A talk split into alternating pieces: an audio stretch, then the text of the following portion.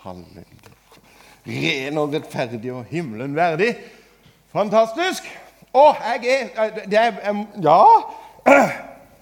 Dette er en sånn dag som jeg alltid blir litt sånn overgira på. Det er litt sånn eh, eh Første påskedag er bare en sånn helt vanvittig dag. Det som er bare Det på en måte topper på en måte alt. Og så tenk at jeg kan faktisk stå her og si Med den fortida jeg har hatt, å stå her og si at jeg er faktisk ren og rettferdig og himmelen verdig. For det var en som knuste døden. Død, hvor er din brå? Død, hvor er din seier? sier Bibelen rett ut. Det er litt sånn erte-berte. Og så skal vi få lov til å feire det, og, og vi gjør det jo litt sånn hver søndag, men, men, akkurat i dag så feirer vi det på en ekstra måte. og Derfor syntes jeg det var så kjekt å kunne starte med å feire nadvær sammen med alle barna. Når de står der og kikker på deg, og så sier de 'Jesus elsker deg'. For meg så var det en sånn en åpenbaring av nattverd en gang jeg var nede i Vågsbygd i Kristiansand. Og Barna sto og delte ut nattverden, og så sto der ei lita jente som kikket på meg og så sa hun, 'Jesus elsker deg'. Og Jeg skulle egentlig preike, og jeg tenkte nå kan jeg bare gå hjem. For nå har jeg fått alt det jeg trenger i denne gudstjenesten. Jeg trenger ikke noe mer, jeg trenger ikke å preike. Så, men så måtte jeg jo det, da. Men, men det å gjøre dette sammen med barna, som virkelig er de som Jesus løfter så høyt, og så sier at vi skal være som barn og da feire nattverden i den. Å, det er digg, det er flott. Og nå eh, Når vi er inne på barn eh, Vi har vært på leir, noen av oss. Jeg har lyst til å si til dere som har vært med og bedt for påskesteidstad-leiren eh, Vi har vært en gjeng med ungdommer herifra. Noen av de sitter her i salen. Eh, og en del er ikke her i dag, men noen er der iallfall. Vi har hatt en fantastisk tur til Vegartun. Altså, i 2014 jeg må bare se om jeg husker riktig. I 2015, mener jeg. I 2015 da satt vi på Vegartun på en påskeleir for ungdommer.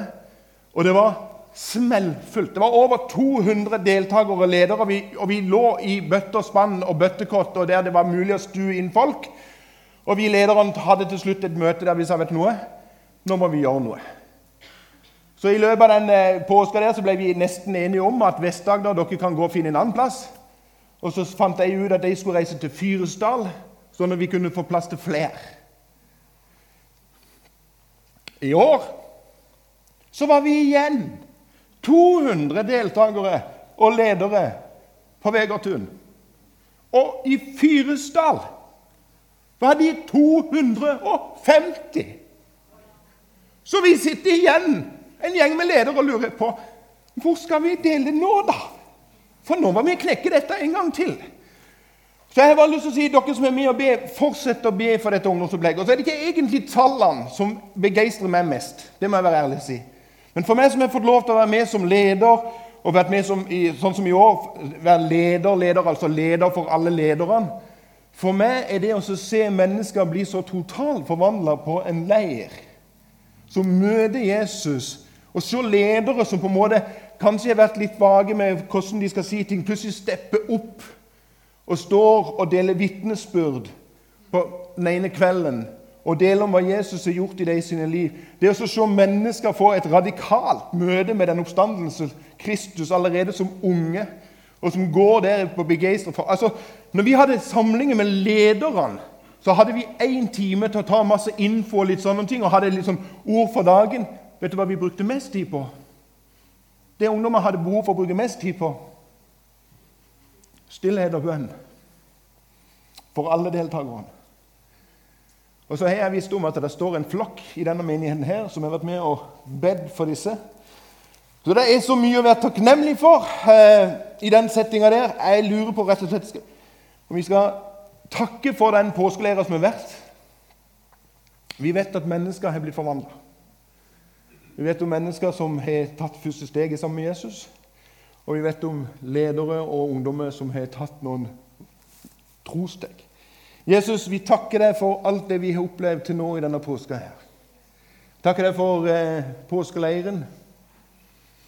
Takker deg for hva du har gjort i ungdommens liv. Takker deg for det at eh, noen av oss har fått lov til å se noen av disse ungdommene fra de kom inn som unge 13-åringer som ikke visste hvordan de skulle oppføre seg på en leir. Og så møter vi dem igjen nå, godt opp i 20-årene, som står og formidler deg. Vi takker deg for det at det er du som utruster, du som former. Takker deg for hva du gjør midt iblant oss. Og Jesus, så takker vi deg for det at du er her akkurat nå i denne gudstjenesten her.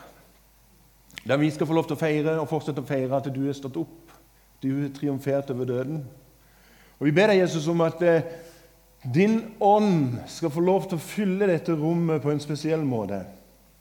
At ditt nærvær skal være kjennbart. At vi skjønner det at eh, du er ikke en fjern Gud, men du er en nærværende Gud som vi kan ha en tett relasjon med. Vi legger resten av denne gudstjenesten i dine allmektige hender. Og alt Guds folk sa Amen. Amen. Oi, oi, oi. Du så følelsesmessig allerede før vi begynte å preike. Dette kan bli en interessant tale. Jeg tror nesten uten unntak at så lenge jeg har vært her i Porsgrunn eh, Det har begynt å bli noen år, og mange flere blir det. så det at så tror jeg nesten uten unntak at jeg har talt over samme bibelteksten på første påskedag hvert eneste år. For det er den teksten som jeg synes er den kjekkeste teksten i hele Bibelen. Det er når Maria Magdalena kommer til den tomme grav og møter mesteren, og mesteren kaller på henne og sier Maria, og så skjønner hun at det er han. Og så har jeg egentlig så lyst til å preke over den teksten, så er det bare det Gud har ikke gitt meg denne teksten. Han har gitt meg noe helt annet. Uh, og, og, men det skjer samme dagen, og det er første påske. da, Men hvis du har med deg Bibelen, så skal du få lov til å slå opp i Johannes kapittel 20. Og Vi skal bare lese to-tre vers. Tre vers.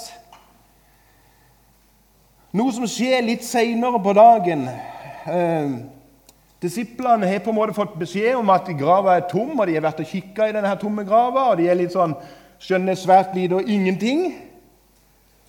Og så kan vi lese der. Og før jeg leser, så tror jeg at de på miksepulten skal dempe lyden, og så skal jeg snu ryggen til dere og skal jeg snyte meg litt.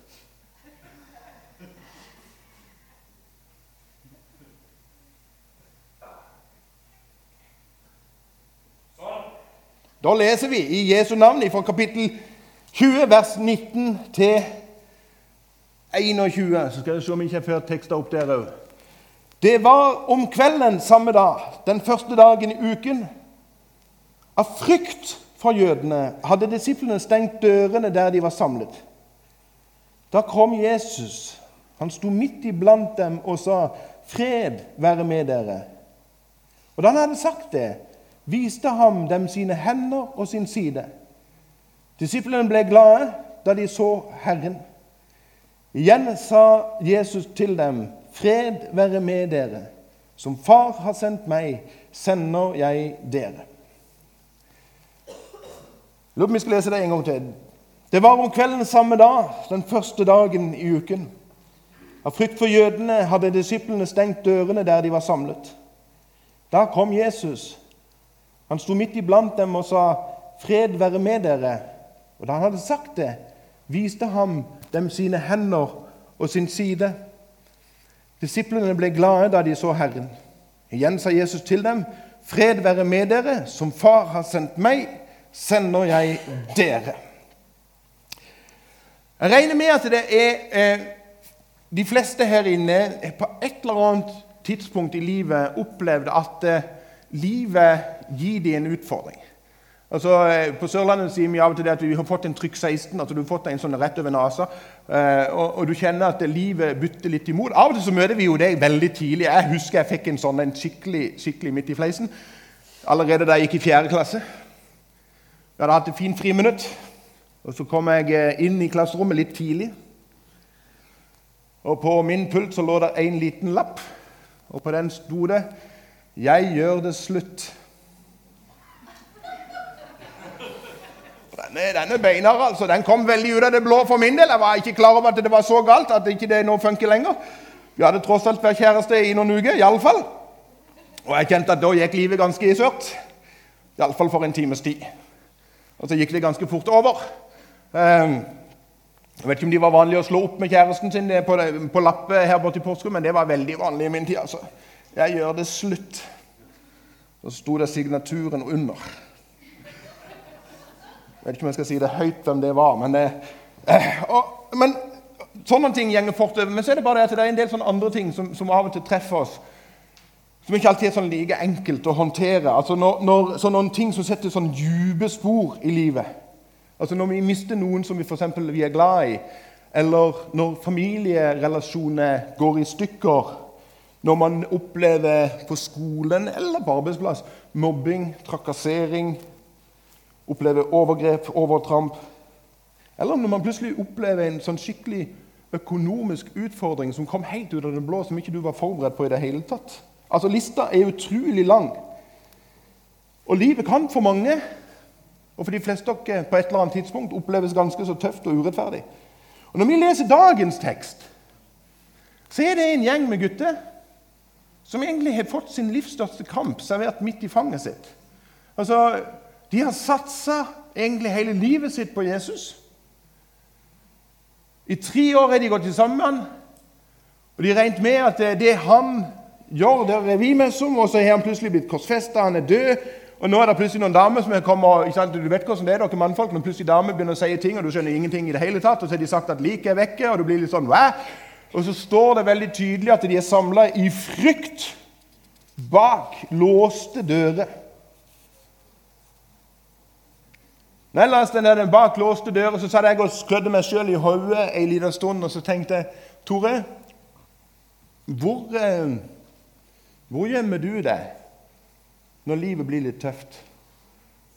For vi gjør jo av og til det. Altså Når livet møter oss med noen utfordringer, så låser vi av og til noen dører. Eh, noen blir litt sånn inneslutta, holder andre mennesker på avstand.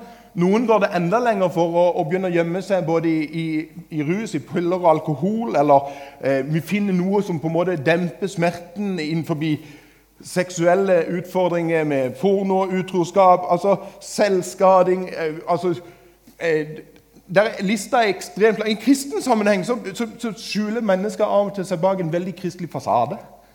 De låser seg bak en åndelighet som ser veldig fin og from ut, men egentlig så har vi prøvd å låse noen ting ute og er ikke egentlig ærlig med livet. Altså, Lista er ekstremt lang på hvordan mennesker låser seg inne.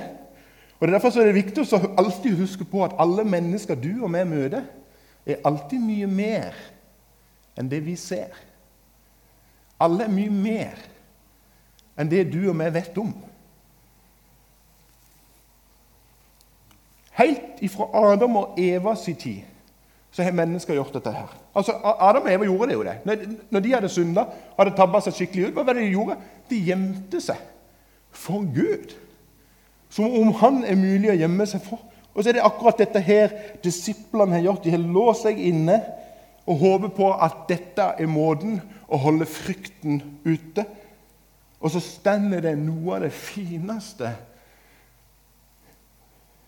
som du kan nesten tenke deg i en sånn situasjon. Da står det plutselig dette Da kom Jesus. Da kom Jesus. Midt i disiplene sitt livs største kamp. Da kom Jesus. Og vet du noe? Midt i våre store kamper så kan Jesus komme. Du og meg vi kan gjemme oss og stenge oss ting ute fra alle andre. Men han som har beseira døden, han kan komme inn, og han kan møte oss akkurat der vi er. Akkurat sånn som hverdagen din er. Akkurat der kan Jesus komme inn, og så kan vi oppleve at da kom Jesus. Og Jeg syns det er fantastisk når du leser videre hvordan han møter disiplene, og hvordan han òg møter oss. Når han stepper inn, hvordan møter han dem? Han sier dette her Fred være med deg. Han sier ikke 'ta dere sammen'. Altså Det kunne jeg godt tenkt meg sagt av og til. Altså Av og til når du sitter som pastor i et sjelesaksrom, og noen kommer med utfordringer og problemer, så er det jo av og til jeg har lyst til å si 'men ta deg sammen', da'. Brett opp armene og kjør på. Altså, du blir litt sånn, Men det er ikke det Jesus gjør. Han møter oss akkurat der vi er. Og så sier han 'fred være med dere'. Fred. Hvis du leser bitte grann i Bibelen, så har du kanskje fått med deg det at denne måten å hilse på folk i, jødens, i denne tida Bibelen ble skrevet, var veldig vanlig. Shalom alachim. Ikke ta meg på uttalelsen. Men shalom alachim betyr 'fred være med deg'. Shalom, fred. Og så var det nesten bare sånn som en hilsefrase. Litt sånn som når vi møtes, så sier vi 'hei, hyggelig å se deg'. Eller kommer du fra Sørlandet, så sier vi 'ja vel'. Eller hvis vi er virkelig på hugget, så sier vi 'se det'. Da er, det, da er, det, et godt møte hvis du kommer til det. Liksom. Altså, eh, men, men, her i denne sammenhengen her, når Jesus fred være med deg, så ligger det på et helt annet plan. For Han gjør ikke dette bare én gang. To ganger så kommer han nemlig til å si 'fred være med dere'. Han hopper på en måte over denne frasen. Gøy å se det, alt dette her. Nå kommer vi med tyngde, så sier det 'fred være med dere'. Og Nå skal vi få lov til å lære noe helt sentralt i måten Jesus møter oss mennesker òg i dag. Det første et menneske møter når de møter den oppstandende Jesus, er at han møter oss med nåde og fred. Bare tenk på hvordan Jesus møter oss. Hvor mye annerledes det er i forhold til hvordan vi møter mennesker. Altså Hvis du tenker deg hvordan disse folkene han møter, disse disiplene Jesus møter, hva de hadde faktisk gjort bare kort tid før. Altså De hadde stukket av sted. De klarte filler'n ikke være med på et bønnemøte uten å sovne. Peter banna og steika på at jeg har ikke peiling på hvem den mannen der er. Er. Og det er klart at Når folk skuffer deg og meg og svikter oss det, De der vennene som vi hadde trodd skulle stå på sida av oss når livet ble tøft, de som bare stakk av sted, de som aldri dukka opp, de som aldri sendte noen melding eller ringte eller noen ting Når du møter de, eller iallfall når jeg møter de, så er det ikke kanskje akkurat 'fred være med deg' at vi tenker først. Da har vi av og til lyst til å bli du, du burde skjerpe deg, du burde tatt deg sammen. Men nei, Jesus er ikke der. Han møter oss der vi er, og hilser oss alltid med nåde og fred være med deg. Jeg har lyst til at du som sitter her i dag, og du som hører dette på podkasten Jesus ønsker å møte deg der du er i dag. Jeg vet ikke hvor du er henne i ditt liv. Jeg vet ikke hvilke utfordringer du står i, eller om det livet er på topp eller om det er på bunn. Men Jesus ønsker veldig å kunne få lov til å møte deg akkurat der du er,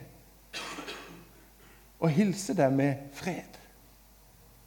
Fred være med deg midt i ditt livskamp, midt i alt, midt i livet.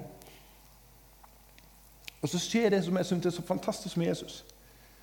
Hva er det han gjør etter han har møtt oss med fred? Hva er det han gjør med disiplene? Jo, det første han gjør, det er å vise hva han har vært villig til å gjøre for deg og for meg. Han rekker fram to naglemerkede hender så sier han, 'Vet du noe?' Disse her hendene mine, de er gjennombåra for deg. Det var ikke naglene som hang meg fast til korset. Men det var min kjærlighet til deg. Så du sier her mi, her har jeg fått et spyd inn fordi jeg elsker deg så inderlig høyt. Ta og Se på ryggen min. Den er sønderknust av piskeslag. Rippa opp fordi jeg elsker deg. Se på merkene i panna mi. Jeg skulle egentlig hatt en fantastisk flott krone, jeg som er kongenes konge, men dere serverte meg ei tornekrone og det er greit. Jeg gjorde det fordi jeg elsker deg. Jeg elsker deg. Og Så vet ikke jeg hvordan ditt møte med Jesus var. Men jeg tror mange av dere her inne har opplevd det samme som, som det disiplene opplevde. Og det er at eh, når de skjønner at han som står foran dem og sier nåde og fred, og som viser, han, og viser oss hvor høyt han elsker oss, da står det da ble disiplene glade. Og Jeg vet iallfall for min del at den gleden som har fulgt meg, er helt enorm. Altså, det er sånn at Jeg vet nesten ikke hvordan er det mulig Jesus, at du har vært villig til å gjøre alt dette her. Og når den gleden bare er fylt med helt til randen, så tror jeg han gjorde det samme med meg som han gjorde med disiplene. Da kikket han på meg en gang til så sa han, 'Fred være med deg'. Og så sa han, la han til, 'Som far har sendt meg, sender jeg deg'. Vet du noe? Det er ikke vanskelig å springe med verdens beste budskap når du er fullt av glede. Når du virkelig har sett at det, det er en som har gjort absolutt alt. Som far har sendt meg, sender jeg dere. Vet du, Når Jesus kommer, så kommer han jo ikke som fyrste. Han burde jo kommet som konge og han virkelig regjert inn. Men når han kommer inn i denne verden, så kommer han som det ynkeligste av alt. Med et bitte lite barn, sårbart så, Vært på ungdomsleir, men det var, var veldig det. Vært sårbart. Skjørt. Ender ut som flyktning. Blir forfulgt. Og så kan vi lese de siste årene han, av hans liv. Så det er noen som er etter han hele tida, og så kommer det til slutt en horde med folk som roper 'Korsfest'. Korsfest. Hvorfor? For han var der for å tjene oss, for å løfte oss opp. Og Det er der han utfordrer dere til på en måte Sånn som jeg har blitt senka meg ned for å løfte dere opp. Sånn ønsker jeg dere skal få lov til å ta imot min frelse og dele den videre.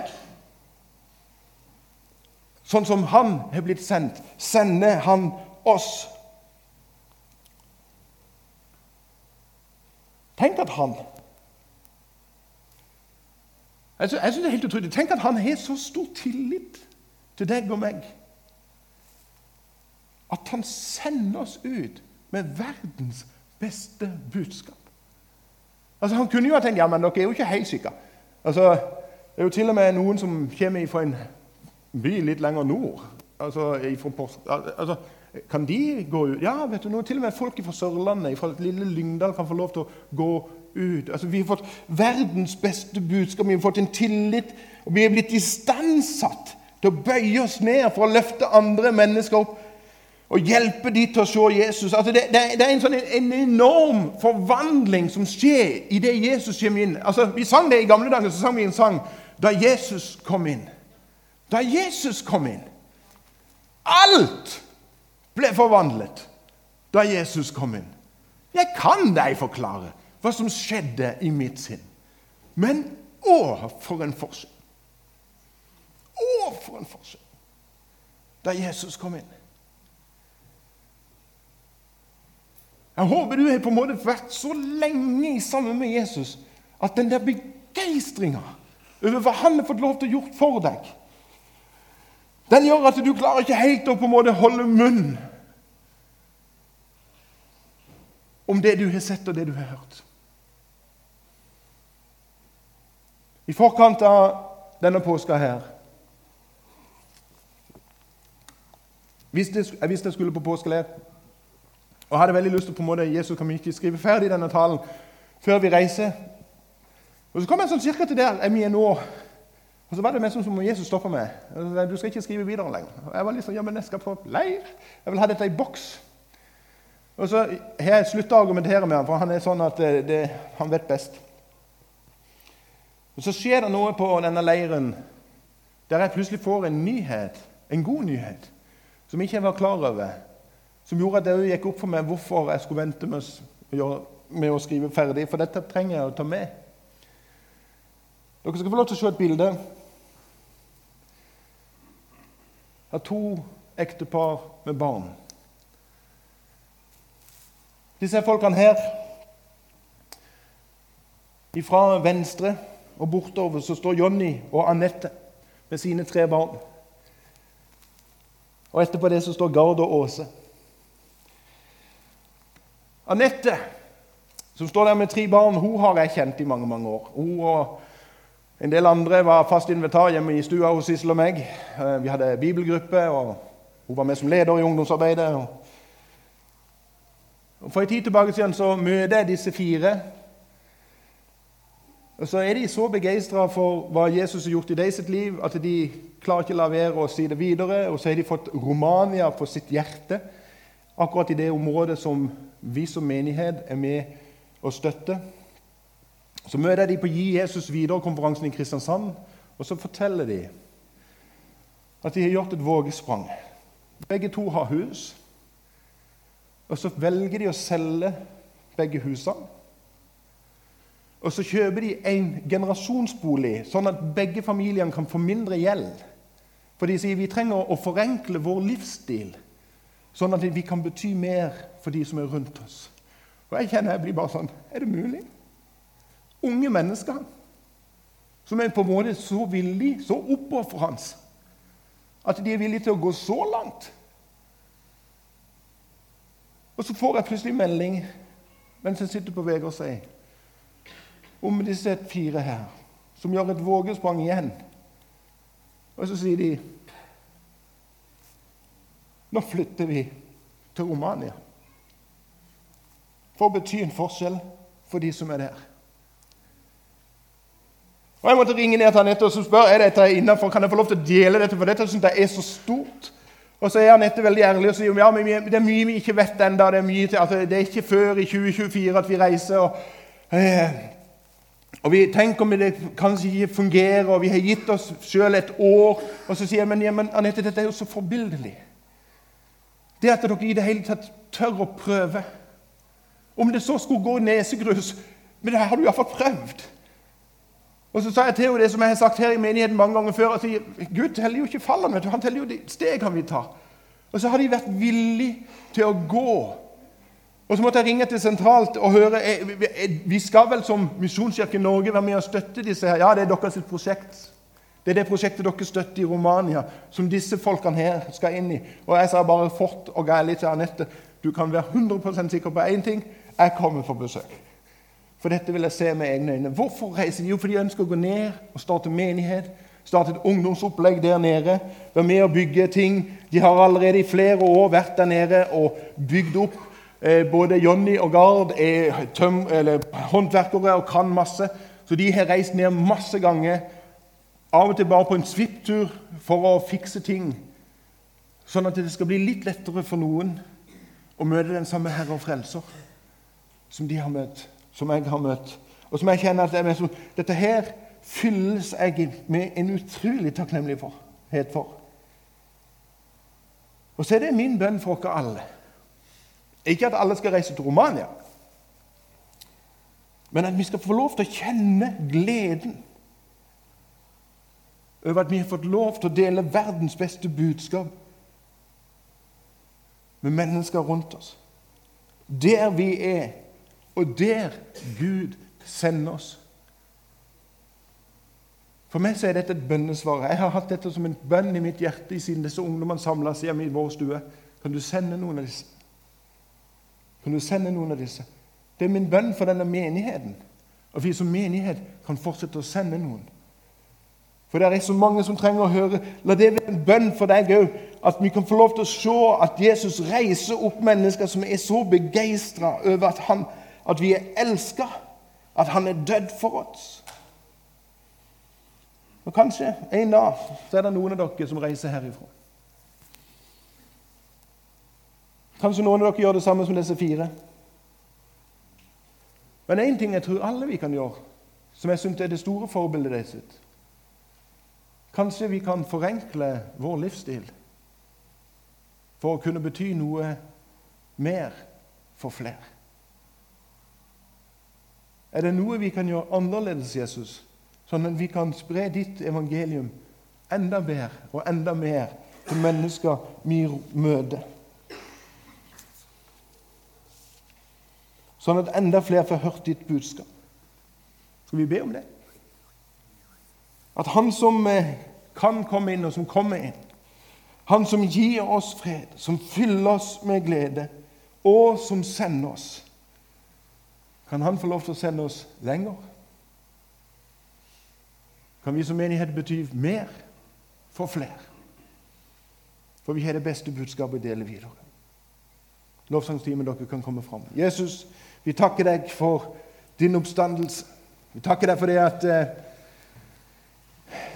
det er du som har gjort alt for oss. Takker deg for det at eh,